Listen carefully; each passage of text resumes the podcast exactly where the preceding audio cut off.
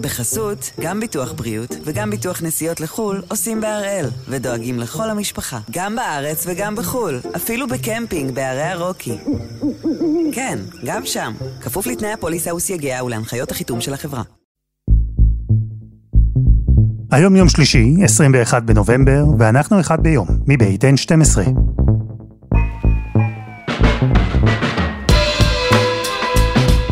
אני אלעד שמחיוף, ואנחנו כאן כדי להבין טוב יותר מה קורה סביבנו, סיפור אחד ביום, בכל יום.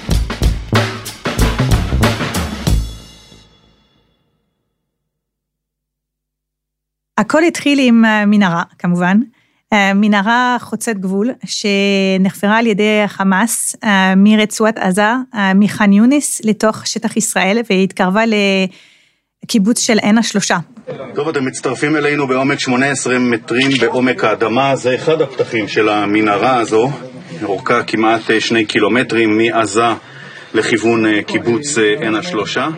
אתם יכולים לראות את ה... זה היה בדיוק לפני עשר שנים, בנובמבר 2013.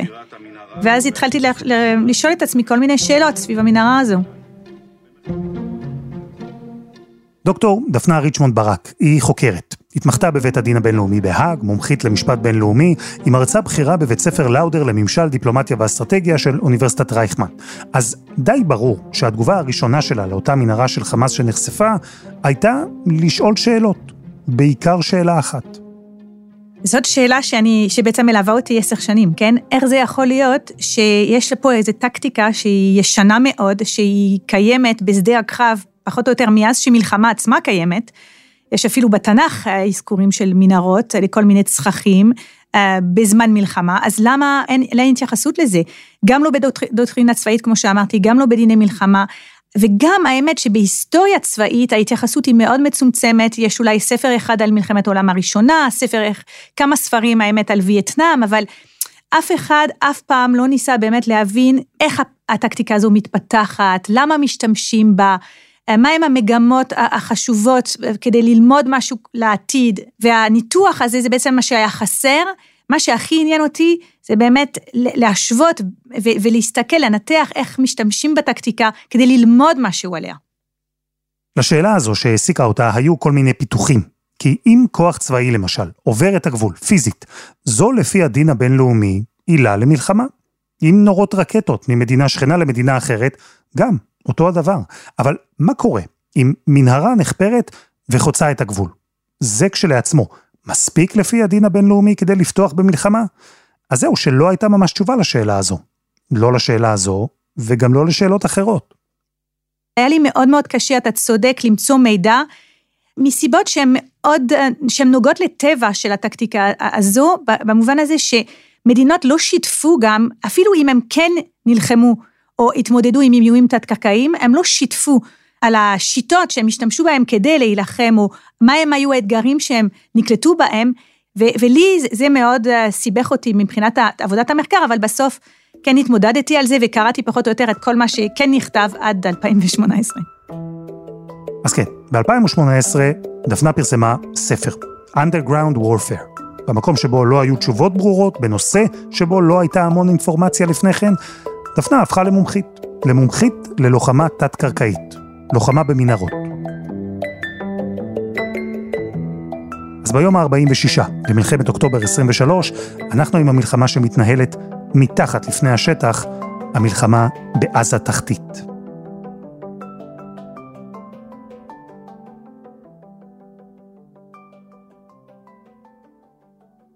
הזירה הישנה ביותר, איפה שבעצם אם אנחנו מספרים את הסיפור, איפה שצריך להתחיל, זה בגבול בין עזה למצרים. ושם יש מנהרות הברחה שחמאס חופר, הן מנהרות מאוד פשוטות, כן? אה, המטרה שם לא לחיות מתחת לקרקע, נכון? זה באמת, אה, יש פה מטרה כלכלית, אה, מטרה של להכניס את כל מה ש... אפילו דברים כמו קמח, כן? דברים לתוך רצועת עזה, בלי לשלם מיסים. מדובר על איום שהוא כלכלי למצרים. בהתחלה באמת מדובר על מנהרות הברחה בסיסיות ביותר. עוד לפני שחמאס השתלט על עזה, עוד הרבה לפני שטרוריסטים הפכו את המנהרות למפקדה ולבית, עוד הרבה לפני שעברו שם רובים וטילים, עברו במנהרות שמתחת לעזה דברים אחרים. למשל, ג'אנק פוד ממצרים. או מוצרים אסורים, כל מה שאי אפשר היה להשיג בעזה והוברח לתוך הרצועה. ומה שקורה זה שהשימוש הזה הולך ומתרחב, ומצרים לא מרוצה בכלל, כי מדובר על איום כלכלי לכלכלה המצרית, ומנסה להילחם נגד אותן מנהרות, ומאוד מתקשה, נוקטת בכל מיני שיטות שונות כדי למזער את התופעה. היא למשל משתמשת בבולדוזרים ככה בגבול רפיח כדי למצוא את הפירים של המנהרות, היא מטילה עונש על מי שחופר, אה, היא אפילו בונה גדר אה, תת-קרקעית. אבל שמה זו זירה באמת מאוד חשובה, כי שם הכל התחיל, ואנחנו רואים כבר מלכתחילה את הקושי של מצ, מצרים להתמודד עם האיום הזה. וישראל בזמן הזה לא, לא ממש מבינה באמת שמדובר בהתחלה של משהו מאוד גדול, הרבה יותר גדול מזה. זה השתנה כמובן, האופי של המנהרות השתנה, ועם השינוי הזה, גם התפיסה הישראלית של המנהרות השתנתה.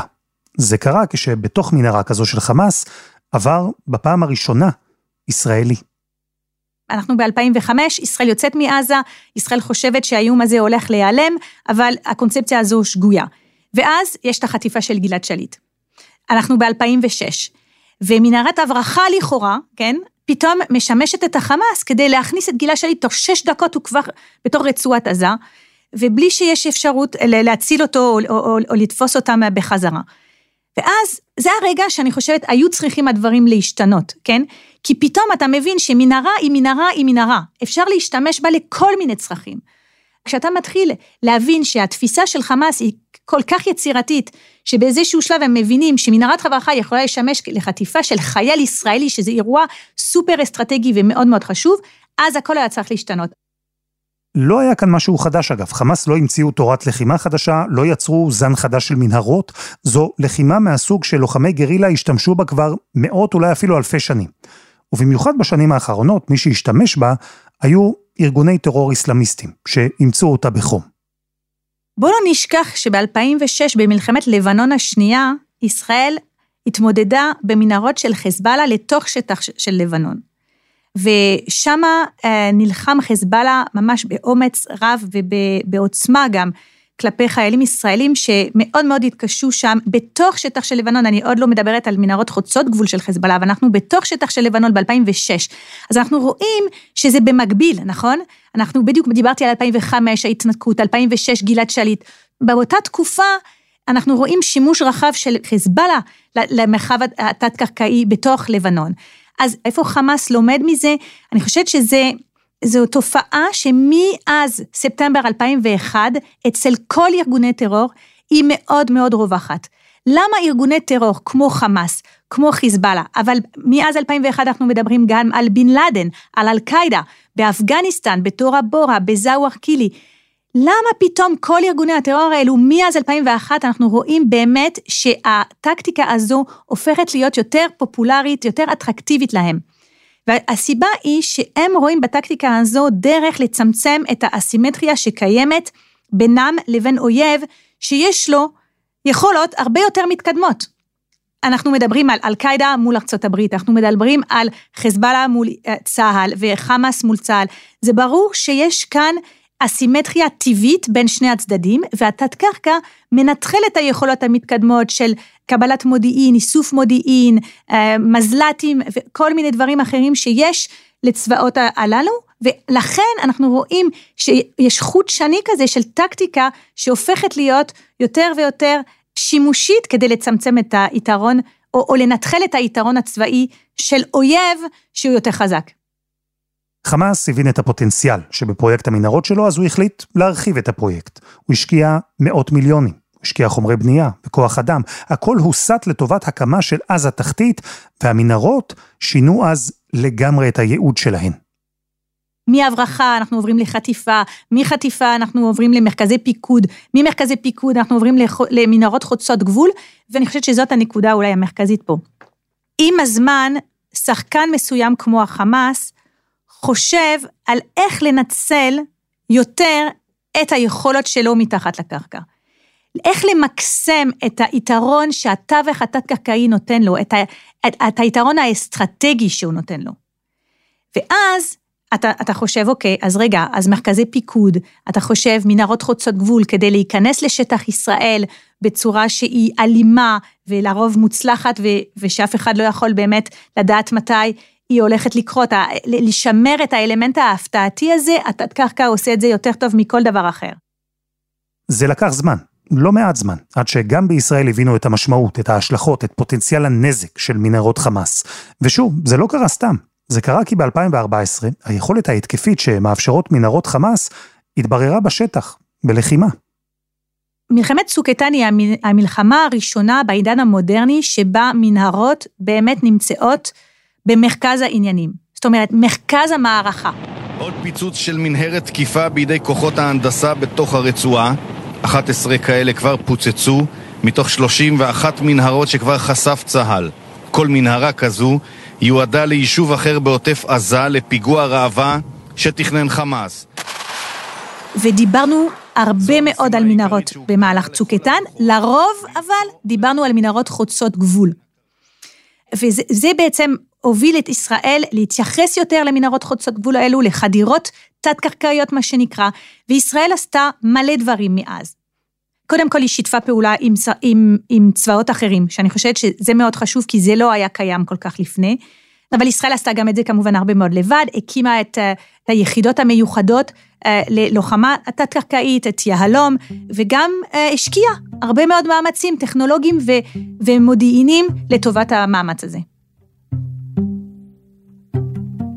אני התגייסתי ב-2011 וזה קצת אחרי עופרת יצוקה, אז ממש זה היה ניצנים של אה, תחילת הדיבור על מנהרות ממה שאני זוכר כ- כלוחם במסלול. באימון המתקדם עוד התאמנו הרבה מאוד על מתווה של סוריה, דברים שמזכירים כזה את אה, מלחמת יום כיפור, מכשול מורכב מאוד, מעבר של תעלות, שדות מוקשים וכן הלאה. ופתאום אחרי האימון המתקדם ובקורסים הפיקודיים, אז התחלנו ממש להתאמן אה, ברמה שבועית ויומיומית על שטח בנוי, מלווה במנהרות, כי הבנו שזה הולך יד ביד. וזה משהו שהתחלנו להבין אותו, אני באופן אישי התחלתי להבין אותו הרבה יותר אה, במהלך הקורסים הפיקודיים. נתנאל גולדפדר, הוא היה שם. בדיוק ברגעים האלה שבהם נפל בישראל האסימון, השתנתה הגישה וצה"ל התחיל לשים יותר לב ויותר דגש למנהרות של הדרום. נתנאל הוא לוחם בהנדסה קרבית, הוא קצין. יש לו לא מעט חברים שהיום אחראים לטפל במנהרות שנמצאות בעזה. אבל אז, לפני צוק איתן ב-2014, הם רק התחילו להתאמן ולפתח את תורת הלחימה של צה"ל נגד האיום הזה. התחלנו באיך בכלל ניגשים לפאתי השטח הבנוי.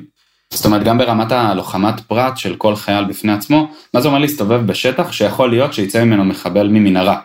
כאילו, אנחנו רגילים לסיפורים של אה, לבנון השנייה ואחורה אה, יום כיפור, לשמוע על צבא מול צבא שהולך ונלחם בשדות, אה, כמו שאנחנו רואים בסרטים. אבל פתאום כשהתחלנו להתכוונן לקראת צוק איתן, וזה קצת יותר אחרי עמוד ענן, התחלנו להבין שיכול להיות שבאמצע שאנחנו יושבים בתוך בית, בן אדם יצא לנו פיר מתוך הסלון. ולשאלתך איך התאמנו, אז גם בכל אותם שטחי, שטח בנוי שמתאמנים בהם, התחילו לבנות ממש פירים של מנהרות, גם בשטחים הפתוחים שלהם וגם בתוך השטח הבנוי עצמו, לבנות תוואים. וכשהיינו מתרגלים גם עם מה שנקרא ביום אויב בצבא, אז, אז גם היינו מתרגלים את זה שביום אויב יוצא מתוך מנהרה, כשכוח יושב במנוחה בתוך בית, או כשכוח אה, אה, כובש בית, וכלוחמי הנדסה, אני ממש זוכר את השיפט במצגות, שהתחילו ללמד אותנו כל מיני אה, תרגולות לאיך בכלל בוחנים פיר, זאת אומרת, הרי רוב הפירים אנחנו מניחים שיכולים גם להיות ממולכדים, אז איך בוחנים פיר וחושפים אותו מסביב, ואיך, אני לא אפרט את כל התרגולות מן הסתם, אבל איך אה, אה, בודקים שהפיר עצמו לא ממולכד, ואם הוא כן ממולכד אז מה עושים, ולאחר מכן גם איך משמידים את הפיר. האימונים הלכו והתמקדו אז באיום המנהרות, ועדיין, כשנתנאל בסוף נכנס עם הצוות שלו לעזה, ראה את הפירים בעיניים והשמיד את המנהרות מקרוב, הוא זוכר טוב. הוא היה מופתע. חד משמעית. אני זוכר גם את התגובות של הלוחמים.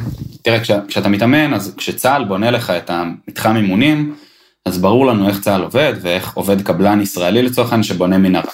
זה נורא ברור, ואתה רואה שיש בית שבנוי מבטון, ויש בתוכו פיר שבנוי מבטון, עם מכסה מברזל, והכל נורא נורא מסודר כמו שקבלן ישראלי בונה, עם כל התקנים הבטיחותיים וכן הלאה. ואז אתה מצפה, לפחות אני ציפיתי, כשאתה נכנס לתוך עזה, לראות איזשהו פיר שחפרו כמו בסרטים עם כפית, מתוך, אה, מתוך איזה קיר של בית. וזה ממש ממש לא היה המצב, זאת אומרת, אתה מגיע, ואתה פתאום רואה פיר ברוחב של, אה, רוחב גדול, נגיד 3-4 מטר קוטר, אתה מבין שהוא מאוד מאוד מסיבי, שלוקח הרבה מאוד זמן לבנות אותו, הרבה מאוד חומר הוצא מתוך האדמה. אתה מביט פנימה ואתה רואה שהפיר בעומק של 20-30 מטר לפעמים, מבוטן לחלוטין, עם uh, מערכות uh, uh, תקשורת בפנים, עם סולמות מאוד מאוד נוחים לירידה ולעלייה, עם כננת בחוץ שמכניסה ומוציאה חומר, חומר בפנים החוצה. היה פיר אחד שהגענו אליו ואפילו היה לידו פקל קפה עדיין חם, עם עדים. זאת אומרת, המחבלים היו שם, שמעו שאנחנו מגיעים וכנראה אה, הסתלקו. ואותי זה מאוד הפתיע.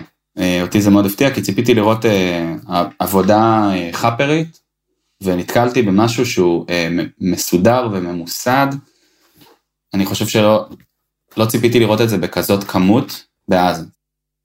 זו לחימה אחרת, בשטח שבעצם אין בו התחלה ואין לו סוף. הקו שעברת וטיהרת לפני רגע וחשבת שהוא בטוח, יכול תוך שנייה להפוך שוב לחזית מאיימת, אם לוחם יעבור מתחת לאדמה ויגיח בחזרה לקרקע.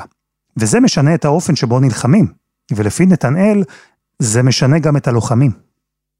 אני חושב שקודם כל זה, אה, זה מכלה הרבה יותר מהכוח מבחינת מה שאתה יכול לעשות עם הכוחות אה, הרגליים וגם הממוכנים, זאת אומרת חי"ר ושריון.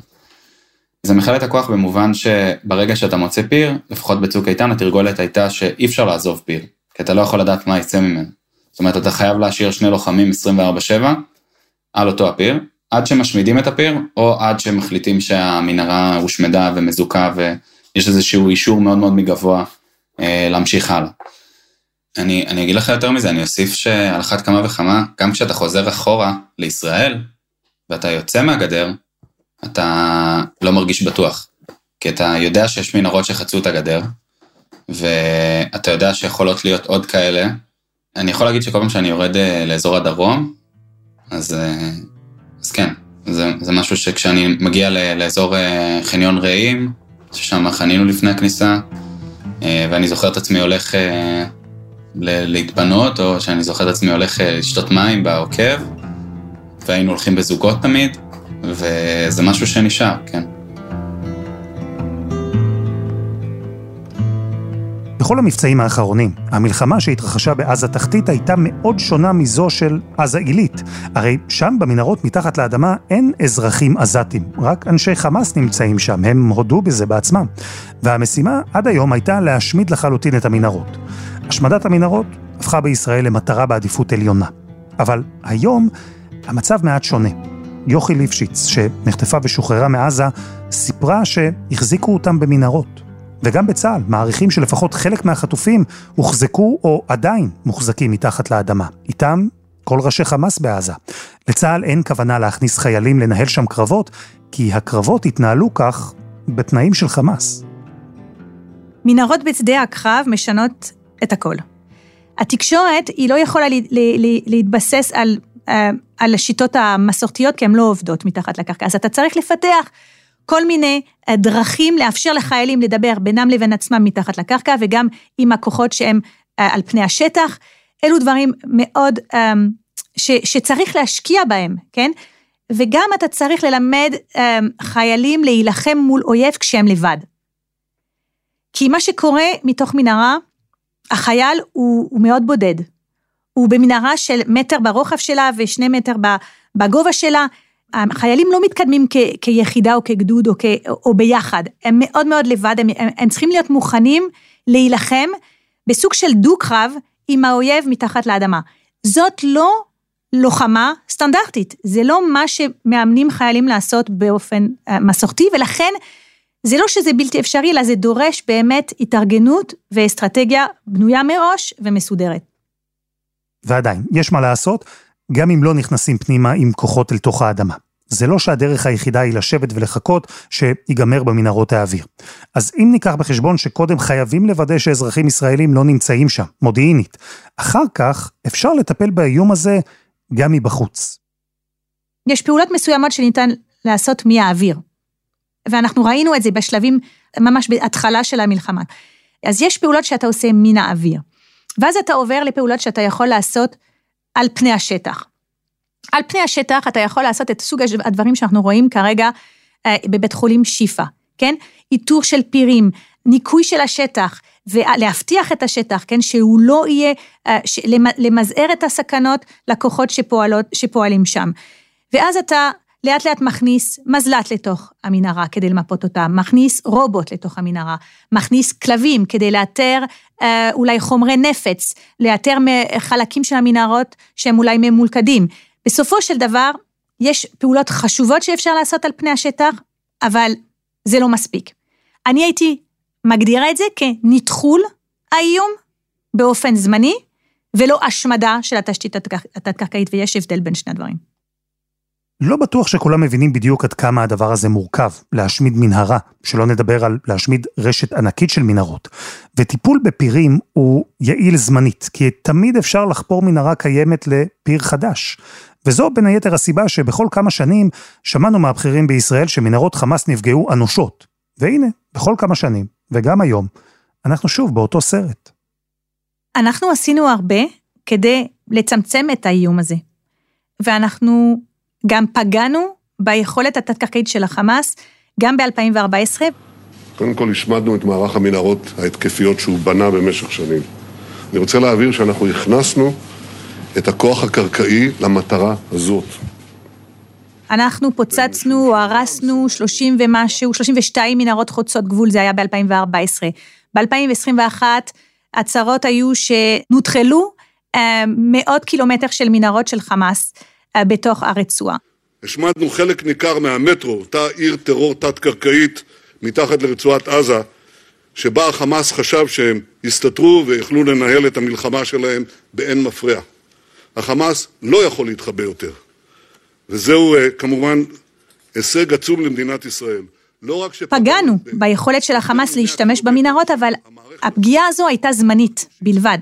ומעבר לזה, גם אם אותם מקומות לא היו, נגיד, בוא נגיד שפגענו בצורה שכן הייתה לטווח ארוך, וחמאס לא היה יכול להשתמש, אז הם פשוט חפרו במקום אחר, הרחיבו במקום אחר, חפרו עמוק יותר. אני חושבת שמה שאנחנו רואים זה שחמאס הצליח לעקוף את מה שכן נעשה, ו, ולכן זה מחזיר אותי לנקודה של היום, שאני חושבת שהיום ההשמדה של התשתית התת-קרקעית של החמאס, היא צריכה להיות מטרה מרכזית במערכה, במלחמה הזו. אנחנו לא יכולים להסתפק יותר בנטחול, זה לא מספיק. ואפילו הריגה של פעילי חמאס, ואפילו מקבלי החלטות ומפקדים בכירים של חמאס, אני יודעת שזה מאוד חשוב, אבל את זה ניתן להחליף. ו, אבל אם אנחנו באמת משמידים את התשתית התת-קרקעית, זה יקשה על חמאס ועל כל ארגון אחר שגם אולי ישלוט בהמשך על רצועת עזה, להשתמש בתשתית הזו כדי לפעול כנגד ישראל בצורה שלא ניתן לגלות ו, uh, ושמקשה כל כך, אנחנו רואים את האיטיות והקושי היום בעזה, זה מאוד אופייני של לוחמה תת-קרקעית. ואם אנחנו נשמיד, או, או יותר נכון, אם לא נשמיד, אז אנחנו משאירים לארגון הזה או לארגון הבא את היכולת.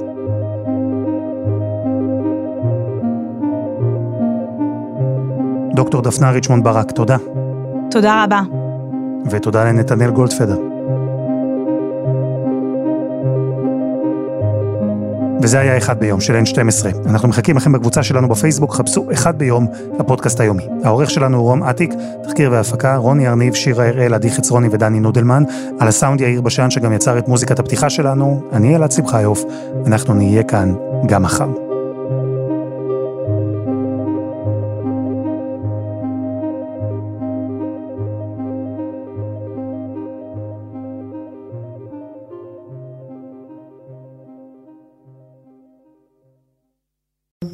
בחסות, גם ביטוח בריאות וגם ביטוח נסיעות לחו"ל עושים בהראל, ודואגים לכל המשפחה, גם בארץ וגם בחו"ל, אפילו בקמפינג בערי הרוקי.